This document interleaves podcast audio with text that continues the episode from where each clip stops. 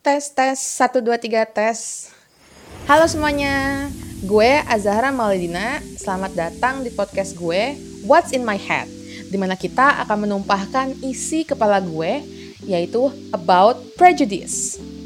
By the way, this is my first podcast, so I'm still figuring things out. As I'm a newbie, I need some feedback from you. So, without further ado, let's get to the pen. Prasangka. Prasangka or prejudice or prejudgment itu tuh sebenarnya mereka tuh apa sih? Prasangka basically merupakan penilaian tidak berdasar atau yang belum tentu benar terhadap sekelompok orang atau individu tertentu. Let's imagine it this way. Temen lu nih datang ke pesta nih ya. Terus lu lihat ada temen lu yang diem doang, mojok sendiri, gak ngapa-ngapain, Padahal pestanya tuh supposedly rame, orang-orang pada party, hahihi, segala macamnya. Dan kemudian lu mulai mikir kalau temen lu ini ansos di situ, ansosial atau ya gak punya teman atau gengnya nggak datang atau segala macamnya. Nah, padahal faktanya temen lu itu cuman lagi bad mood aja gara-gara dia lagi sakit gigi. Sakit gigi nggak enak kan? Iyalah, Nah, contoh lain deh yang lebih kompleks. Ketika motor lu nih rusak, kemudian lu datang ke bengkel dan di situ ada mekanik cewek dan cowok. Lu akan berpikir kalau si mekanik cowok tuh lebih jago dari si mekanik cewek. Nah, itu semua adalah prejudice. Lu berasumsi, tapi lu nggak tahu kebenarannya apa. Nah, akar dari prejudice itu tuh apa sih? Prejudice terjadi ketika kita mengalami sesuatu yang tidak kita tahu kebenarannya. Dan ya, don't worry, prejudice itu terjadi secara alami, jadi semua orang pasti ngalamin. Hanya saja, tiap orang punya caranya sendiri menghadapi prejudice. Apakah dia bakal nanya ke ahli, apakah dia bakal baca buku, dia bakal curhat ke temennya, atau ya didiemin aja tanpa nyari tahu lebih lanjut. Dan sering kali akar dari prejudice itu adalah stereotype. Nah, istilah baru nih. Stereotype. Pasti pernah dengar dong teman-teman. Stereotype adalah pemahaman tidak mendasar di masyarakat terkait sekelompok orang tertentu. Misal, stereotype bahwa cewek itu kaum lemah yang tidak bisa melakukan pekerjaan mekanik.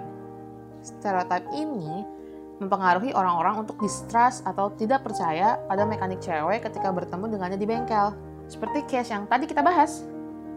Dan stereotip juga melahirkan pemahaman-pemahaman lain seperti seksisme, rasisme, agisme, dan sebagainya. Banyak istilah ya. nah, seksisme itu adalah membedakan atau mengategorikan kekuatan atau skill seseorang berdasarkan jenis kelaminnya. Rasisme itu adalah mengategorikan seseorang berdasarkan rasnya agisme itu ketidakpercayaan terhadap orang yang lebih tua. Bentuk dari prejudice sendiri ada prejudicial thought dan prejudicial attitude. Prejudice yang hanya ada dalam pikiran and we end up not using it as the scale of us treating someone adalah prejudicial thought. But if we choose to act out our prejudice thought, it's prejudicial attitude.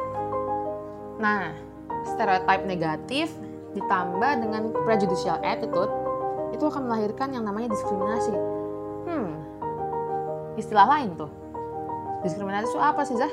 Nah, diskriminasi adalah tindakan membeda-bedakan seseorang atau sekelompok orang berdasar rumus yang tadi kita bahas.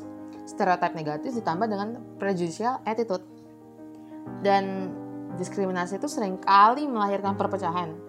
Dan itu tuh bisa berlangsung selama bertahun-tahun dan akan mengkonstruksi sosial apa, apa kehidupan sosial kita. So let's go back to our female mechanic case. Ketika prejudicial thought lu muncul terhadap mekanik cewek ini, and then lu acting out this thought by lu memilih untuk cewek apa nggak mau mekanik cewek ini ngerjain motor lu. That's discrimination. Alright guys, so just be careful with your prejudice on someone.